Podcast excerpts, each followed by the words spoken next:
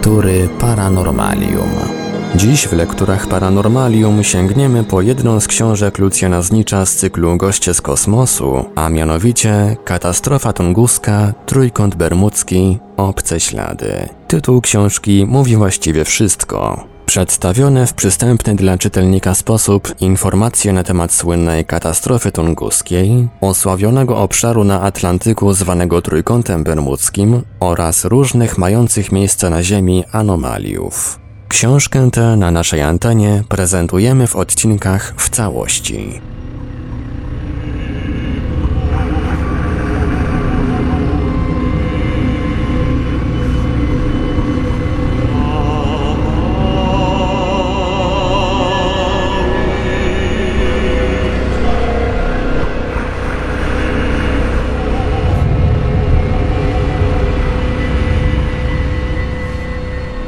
Co się dzieje pod lodami? Kto wie zresztą, czy bezpośrednim bodźcem opublikowania historii Demidowa nie stał się fakt odkrycia podobnych śladów obcej ingerencji także w innych jeziorach północnych, tym razem zresztą już nie ZSRR, tylko Szwecji. Oto w podobnej porze roku, bo 1 kwietnia 1968 roku, na całkowicie jeszcze zamarzniętym jeziorze Upramen w pobliżu Malung, w szwedzkiej dzielnicy Dalarma, leżącej mniej więcej na tej samej szerokości geograficznej co radzie radziecka Karelia, dwaj wędkarze nieoczekiwanie odkryli olbrzymi otwór. I tu została zaalarmowana z początku policja, a ta, wobec niemożności rozwiązania zagadki we własnym zakresie, przekazała całą sprawę jednostce badawczej POA. Oficjalny protokół badań stwierdził tylko, że w locie o grubości 80 cm został wybity trójkątny otwór o ogólnej powierzchni około 500 m2.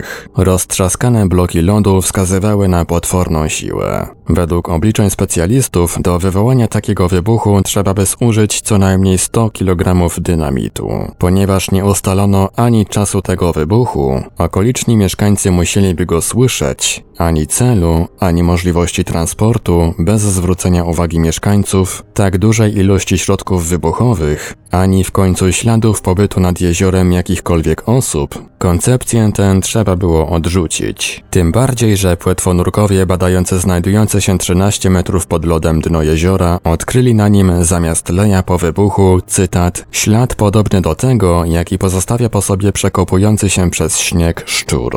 Koniec cytatu. Zaledwie miesiąc później, na przełomie kwietnia i maja 1968 roku, na jeziorze w pobliżu Zernacheden, w tejże Dalarmie, odkryto następny otwór w lodzie, tym razem o powierzchni 300 metrów kwadratowych. Płetwonurkowie, którzy i tutaj zbadali dno jeziora, opisali je jako gładkie jak podłoga. Wreszcie najbliższej jesieni, dokładnie 28 października 1968 roku, szwedzki chłop Ove Marklund ze wsi Bergsviken koło Arvidsjaur, szwedzkiej Laplandii, odkrył jeszcze jedną taką olbrzymią przeręblę na leśnym jeziorze Hundbergstierne. Tym razem wybuch spowodowany został jakby od środka, bowiem lód, mający w tym okresie grubość 30 cm, rozsypany był w postaci różnej wielkości odłamków po powierzchni całego jeziora. W środku jego znajdował się otwór o średnicy 30 metrów. Nikt nie mógł tego zrobić dla kawału, stwierdził Marklund, bowiem mimo obejścia wokół całego jeziora nie udało mi się odkryć bodaj najmniejszego śladu pobytu jakichkolwiek ludzi. Uważnemu czytelnikowi rzuci się zapewne w oczy dziwna zbieżność terminów. Nieznane siły prują północne jeziora naszego kontynentu bądź wczesną jesienią, bądź późną wiosną.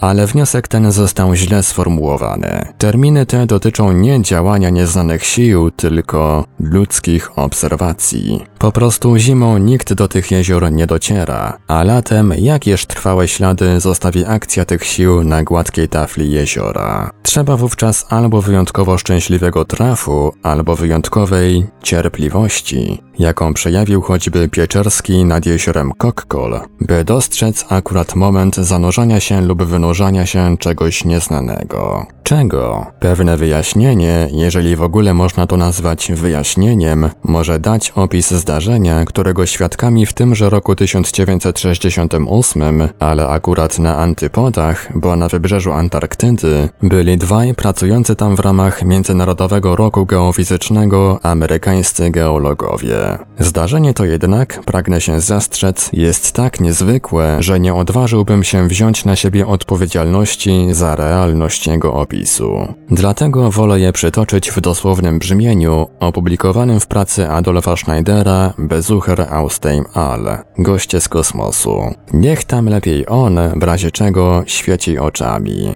Podczas Międzynarodowego Roku Geofizycznego dwaj amerykańscy geologowie jechali gąsienicowym pojazdem wzdłuż wybrzeża Noxa na Antarktydzie. W chwili obecnej znajduje się tam polska stacja imienia Dobrowolskiego. Przypis od autora. W pewnym momencie zauważyli oni w odległości około kilometra na północ jakiś potężny wir. Nie mogło to być żadne zjawisko meteorologiczne, gdyż dzień był słoneczny. Poza tym żadne zakłócenie atmosferyczne nie mogło mieć miejsca na tak ograniczonym obszarze. Obaj naukowcy pomyśleli więc natychmiast o Japończykach i Rosjanach, którzy w ciągu tego dnia zdecydowali się przeprowadzić jakieś eksperymenty tuż obok bazy amerykańskiej. Ponieważ jednak nie wiedzieli, co to mogą być za doświadczenia, postanowili je obejrzeć, choćby w obawie, że mogą swym kolegom w czymś niechcący przeszkodzić. Wysiedli więc ze swego pojazdu i ruszyli w stronę wiru. Gdy obaj Amerykanie odpowiednio się zbliżyli, zauważyli, że tworzyły go nie kryształki śniegu, tylko ciepła, wilgotna para o nieznanym zapachu. Wewnątrz obłoku, który stopniowo rozwiewał się, dostrzegli oni jakąś kopulastą budowę, nie wyższą niż 2 metry i o średnicy 7-8 metrów. Błyszczała ona jakby wykonana była ze szkła. Natychmiast przyszło mi do głowy, opowiadał później jeden z geologów, że mogłoby to być jakieś nieznane zjawisko geologiczne, być może pochodzenia wulkanicznego. Zafascynowany i równocześnie zaniepokojony pobiegłem w stronę kopuły. Nagle pomyślałem, że ktoś wyszedł mi naprzeciw, gdyż zauważyłem dwie poruszające się postacie. W moment później jednak zdrętwiałem. To nie były żadne ludzkie postacie, tylko dwa okrągłe żółtawe przedmioty, nie wyższe niż metr, i wyglądające jak źle nadmuchane balony. Chwiały się one na lodzie i obracały wokół siebie. Między nimi albo nad nimi świeciło światło, które przypominało blask powstający przy spawaniu. Wydawało mi się, że jeden z balonów strzela przede mną, przy czym błękitne iskry rozsypały się w rozetę. Objęty panicznym strachem, odwróciłem się i począłem biec. Uciekaj! Wołałem do mojego towarzysza. Uciekaj jak najszybciej. Obejrzeliśmy się za siebie dopiero wówczas, gdy poczuliśmy się już bezpieczni pod osłoną naszego pojazdu. Przez kilka chwil widać było jeszcze blask kopuły, którą zakrył następnie biały wir.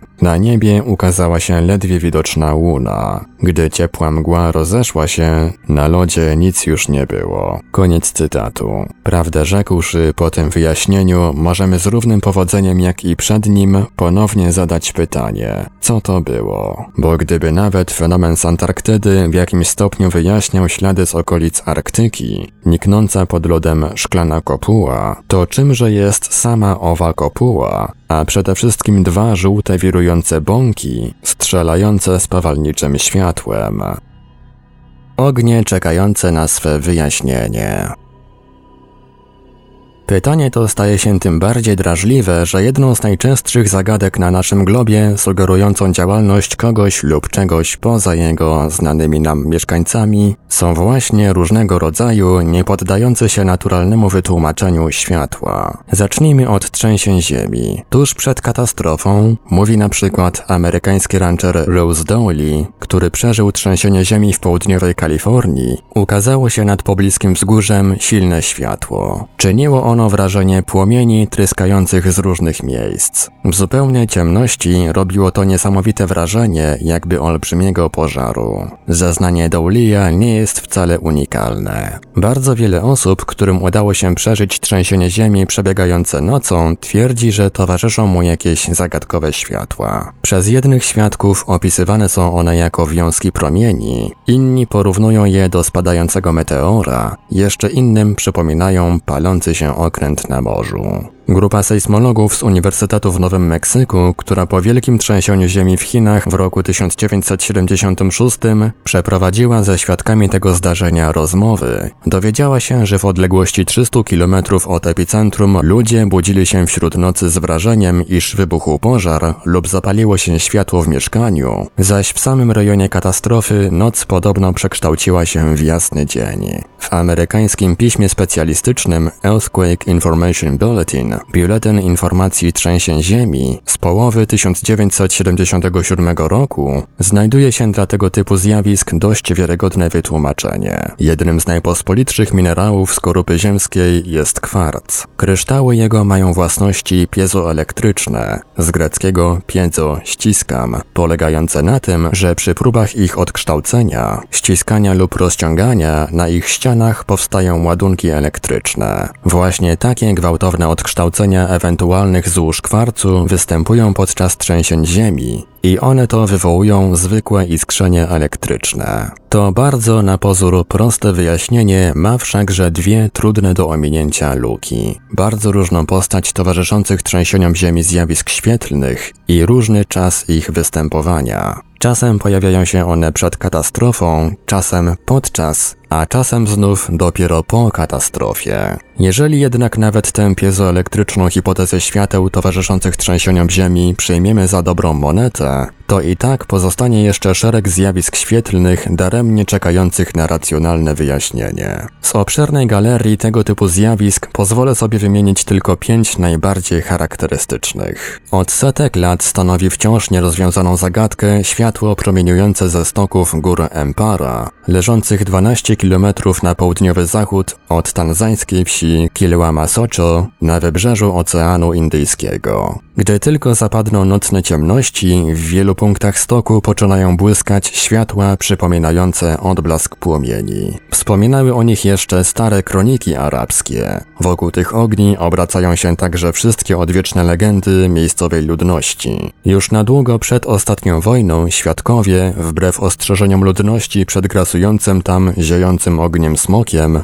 Wybierali się kilkakroć nocą na stoki gór, by obejrzeć to zjawisko z bliska. Niestety nic im się nie udało odkryć, ani jakichkolwiek śladów rzekomego pożaru, ani nawet samych płomieni, które jednocześnie w czasie tych wypraw były obserwowane przez widzów z daleka. W roku 1934 wyruszyła w góry Empara pierwsza ekspedycja naukowa, która miała sprawdzić, czy światło nie pochodzi z wyładowań elektrycznych. Nie udało jej się jednak odkryć świateł. W roku 1973 rząd tajzański zorganizował grupę ekspertów, którzy mieli wyjaśnić, czy przypadkiem nie chodzi tu o rozpad substancji promieniotwórczych. Jednak i ta hipoteza się nie potwierdziła. Tak więc ognie gorące nad szczytami gór w dalszym ciągu daremnie czekają na wyjaśnienie. W roku 1976 w prasie radzieckiej opublikował dramatyczne wręcz wspomnienia były współpracownik kamczackiej ekspedycji wulkanologicznej, mieszkający obecnie w Rydze, Sołowiew. W maju 1938 roku wyruszył on wraz z Mielnikowem w olbrzymią 400-kilometrową drogę poprzez ostępy Kamczatki.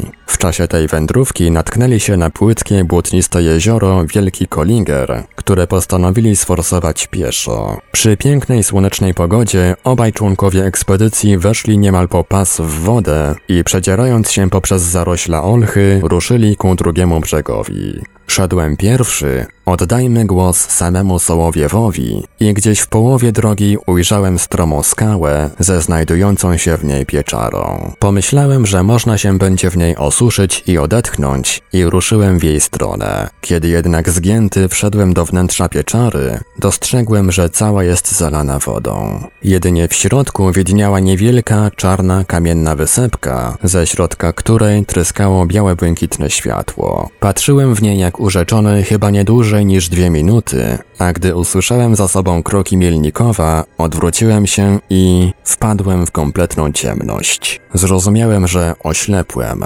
Upadłem na ręce w wodę i z przerażeniem krzyknąłem: Mikołaju, pomóż, nic nie widzę. Mielnikow chwycił mnie pod pachy i wywlókł na zewnątrz. Prawie kilometr niósł mnie na plecach, zanurzony po pas w wodzie. Potem leżeliśmy bardzo długo na brzegu wśród karłowatych brzus. Dopiero po dziesięciu godzinach, kiedy już słońce chyliło się ku zachodowi, powoli począłem odzyskiwać wzrok. W toku rozmowy okazało się, że Mielnikow także widział niezwykłe światło, ale zajęty pomocą dla mnie przyglądał mu się nie dłużej jak parę sekund. Być może ta właśnie okoliczność uchroniła go przed czasową utratą wzroku. Koniec cytatu. Autor tego sprawozdania, Sołowiew, nigdy w życiu już nie powrócił nad jezioro Wielki Kolinger, zaś żaden z naukowców, do których się zwracał, nie próbował nawet wyjaśnić zdarzenia. Tak więc ognie błyskające w głębi pieczar również czekają na swe wyjaśnienie. Jeszcze częstszym zjawiskiem są różnego rodzaju tajemnicze światła na oceanach. Istnieją dziesiątki, jeśli nie setki sprawozdań o bijących w górę bądź spadających w dół płomieniach. Autorem jednej z pierwszych takich relacji jest Krzysztof Kolumb,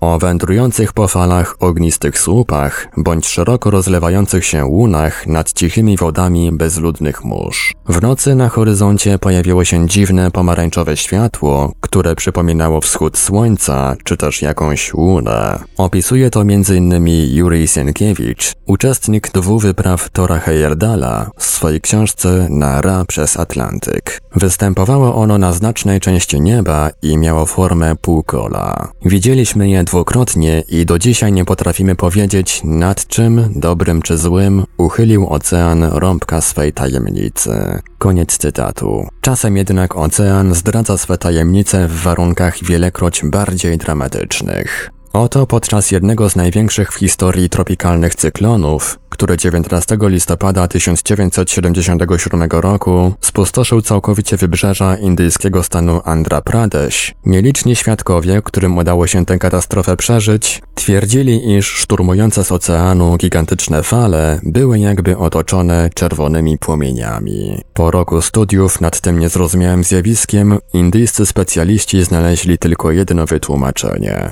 Energia cyklonu według nich porównywalna była z energią 200 bomb wodorowych. W momencie, gdy siła wiatru osiągnęła prędkość 200 km na godzinę, w tym polu energetycznym nastąpił samorzutny rozpad cząsteczek wody H2O na atomy i powstały w ten sposób wolny wodór H2 został następnie zapalony przez wyładowania elektryczne. Czytelnikom pozostawiam ocenę prawdopodobieństwa tej niezwykłej hipotezy, ale ostrzegam, jeśli uznamy ją za nieprawdopodobną, to nie mamy na jej miejsce żadnej innej. A jeszcze dziwniejszy wypadek relacjonuje w swojej książce La Grande Aventure de Océan Le Pacifique Georges Blanc.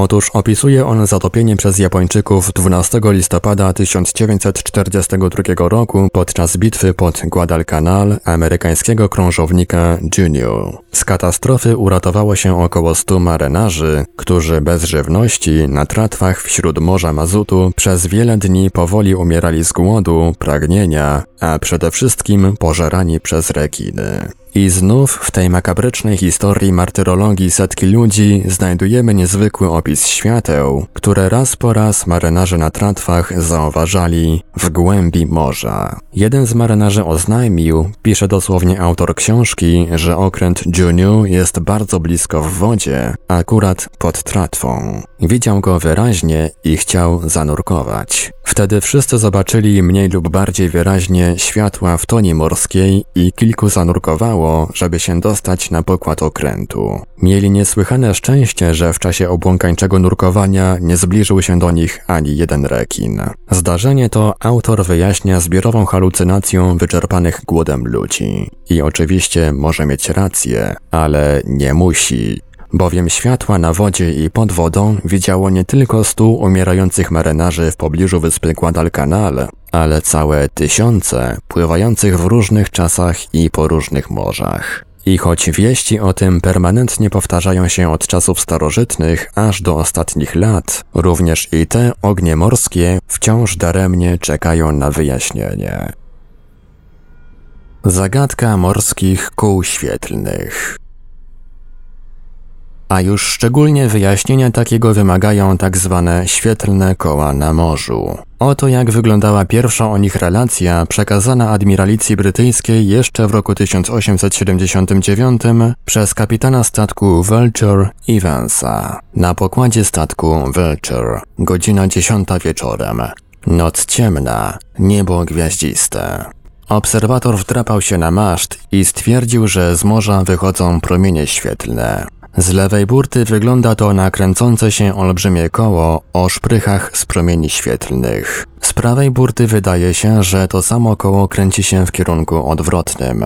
Obserwator wyciągnął wniosek, że muszą to być dwa zupełnie niezależne od siebie kręgi światła. Szerokość każdego promienia świetlnego 9 yardów, przerwa między nimi 28 yardów. Szybkość obracania się końców promieni obserwator ocenił na 72 mile na godzinę. Niestety, mimo iż Evans był dość znanym hydrografem i nawet członkiem Royal Society, relacja jego nie została potraktowana przez naukowców serio. Zbyt dobrze znana jest w świecie nie tylko skłonność marynarzy do plecenia niestworzonych bajek, ale i skłonność naukowców do traktowania jako bajki wszystkiego, co tylko wykracza poza zakres ich doświadczeń. Jednak zaledwie kilka miesięcy później, w styczniu 1880 roku, następny kapitan angielskiego statku Shanehien Harris znów przekazuje admiralicji dokładny opis podobnego zjawiska. Marynarze zauważyli je z początku w postaci odległego blasku na morzu, który, w miarę przybliżania się statku, począł jako jasny łuk unosić się nad wodą na wysokość kilku stóp.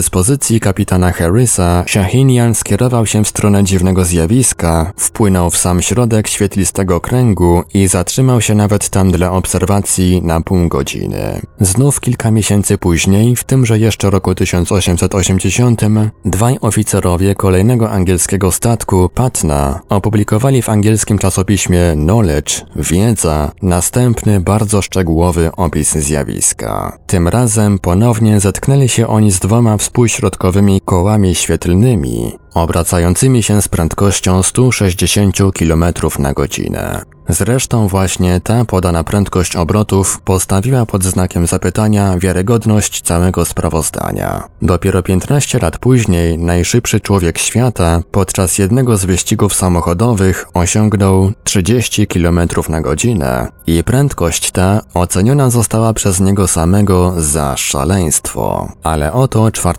kwietnia 1901 roku ze zjawiskiem równie szybko obracających się promieni świetlnych nad wodą spotyka się kapitan statku Kilwe Hosison. W roku 1902 na takież zjawisko natyka się kapitan statku Fort Salisbury Heimer. W roku 1907 relacjonuje o podobnym spotkaniu się z tego typu zjawiskiem kapitan statku Delta Patterson. Rok po nim, 24 lipca 1908 roku, opisuje je drugi oficer statku Consular Turner. Pobrano nawet wówczas próbkę wody, ale okazało się, że nie wykryto w niej żadnych osobliwości. Potem, w roku 1909, pojawia się znów sprawozdanie kapitana statku Bintang Geiba. W roku 1931 podobne zjawisko obserwuje załoga kanonierki Dudar de Lagri. Następnie dochodzą wieści o spotkaniach przez załogi różnych statków tegoż zjawiska w latach 1957 i 1961.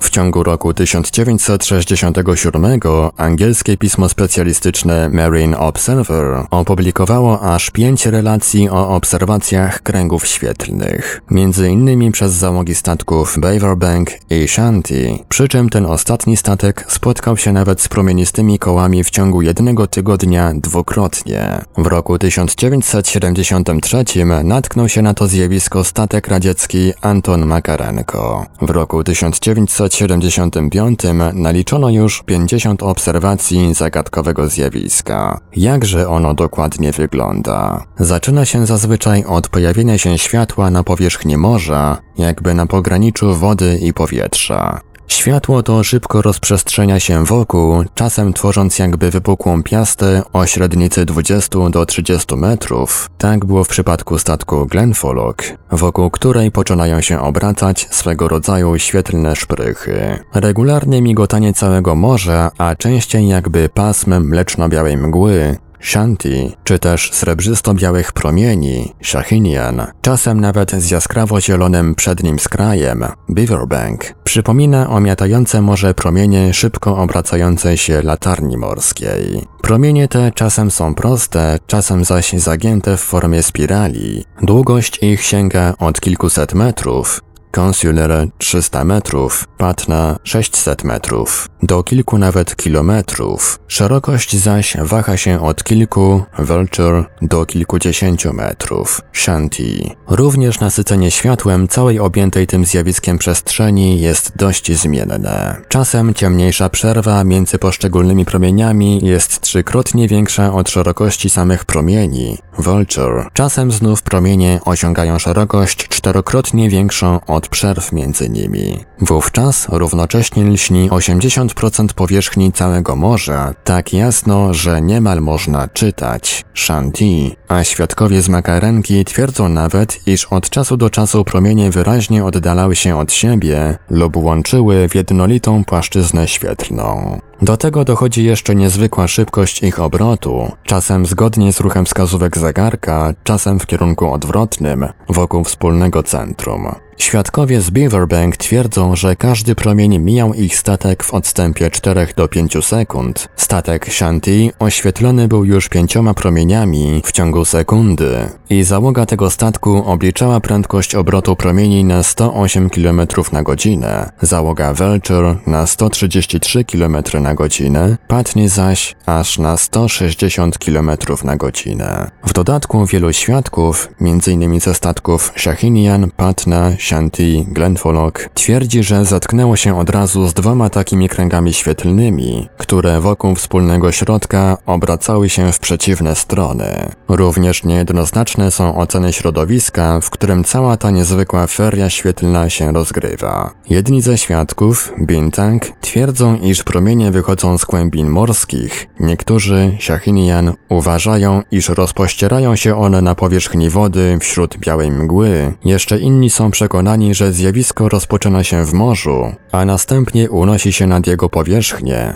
Informacja z Kölnische Zeitung z 30 czerwca 1870 roku. Załoga statku Shanty określa zjawisko jako pędzące po powierzchni morza niskie smugi lub wały mgły, określając nawet ich grubość na 2 do 3 metrów, a są także i takie relacje, m.in. z Kilły i Makarenki, że promienie świetlne cały czas krążą na pewnej wysokości nad powierzchnią morza. Przy tej okazji wspomnieć trzeba o jeszcze jednej zagadkowej informacji, kto wie jak ściśle wiążącej się z omawianym zjawiskiem, pochodzącej ze statku Fort Salisbury. Otóż gdy statek przechodził przez środek świetlistego kręgu, dostrzeżono zeń na horyzoncie długi ciemny obiekt o długości od 150 do 180 metrów, u którego obu końców paliły się światła ostrzegawcze. Gdy tylko jednak skierowano się w jego stronę, obiekt powoli zanurzył się w głębinie. I wreszcie, z reguły po kilkudziesięciu minutach, zjawisko znika równie niespodziewanie jak się pojawiło, z tym, że znów jedni świadkowie twierdzą, jakoby blask powoli przegasał, aż w końcu w ogóle przestawał być widoczny, podczas gdy inni uważają, że urywa się nagle, jak wyłączone kontaktem światło. Jedynie dosyć jednakowe są opinie co do akwenów, na których niezwykłe promieniste kręgi się spotyka. Otóż według wszystkich dotychczas opublikowanych informacji zjawisko było obserwowane wyłącznie w stosunkowo wąskim pasie mórz omywających południowe wybrzeża Azji. Od Zatoki Perskiej spotkały się tam z nim m.in. statki Kilwe i Patna, poprzez wybrzeże malabarskie, obserwacje Shahinianu i cieśninę Malakka, Delta, Bintang, Makarenko,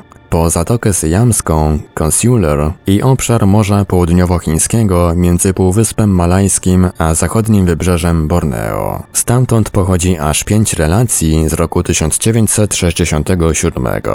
Rzecz niezwykła. Mimo tak licznych, szczegółowych i udokumentowanych obserwacji, zjawisko kół świetlnych nie znalazło dotychczas żadnego zadowalającego wyjaśnienia. Podkreślam, zadowalającego, bo zarówno główny propagator tego zagadkowego zjawiska, Amerykanin William Corliss, jak i Francuz Patrick Gaston, czy wreszcie Niemiec, profesor Uniwersytetu w Hamburgu Kurt Kahle, ciągle kręcą się tylko wokół jednej koncepcji. Jest to tak zwana bioluminescencja. Według profesora Kahlego, który w ramach swych prac w niemieckim Instytucie Hydrograficznym w Hamburgu zajmuje się badaniem tego zjawiska już od roku 1967, za te zjawiska świetlne są odpowiedzialne olbrzymie ilości fosforyzującego planktonu morskiego, który w pewnych warunkach wypływa na powierzchnię morza i tworzy na niej bijące blaskiem plamy. Oczywiście plankton ten przez cały czas pozostaje w wodzie, a jasna mgła widziana przez wielu obserwatorów nad jej powierzchnią jest według Kalego tylko złudzeniem optycznym. Ale czym wobec tego jest regularny kształt kół, wyraźnie zauważalne, rozchodzące się z pewnego centralnego punktu promienie i ich niezmierna szybkość obrotów,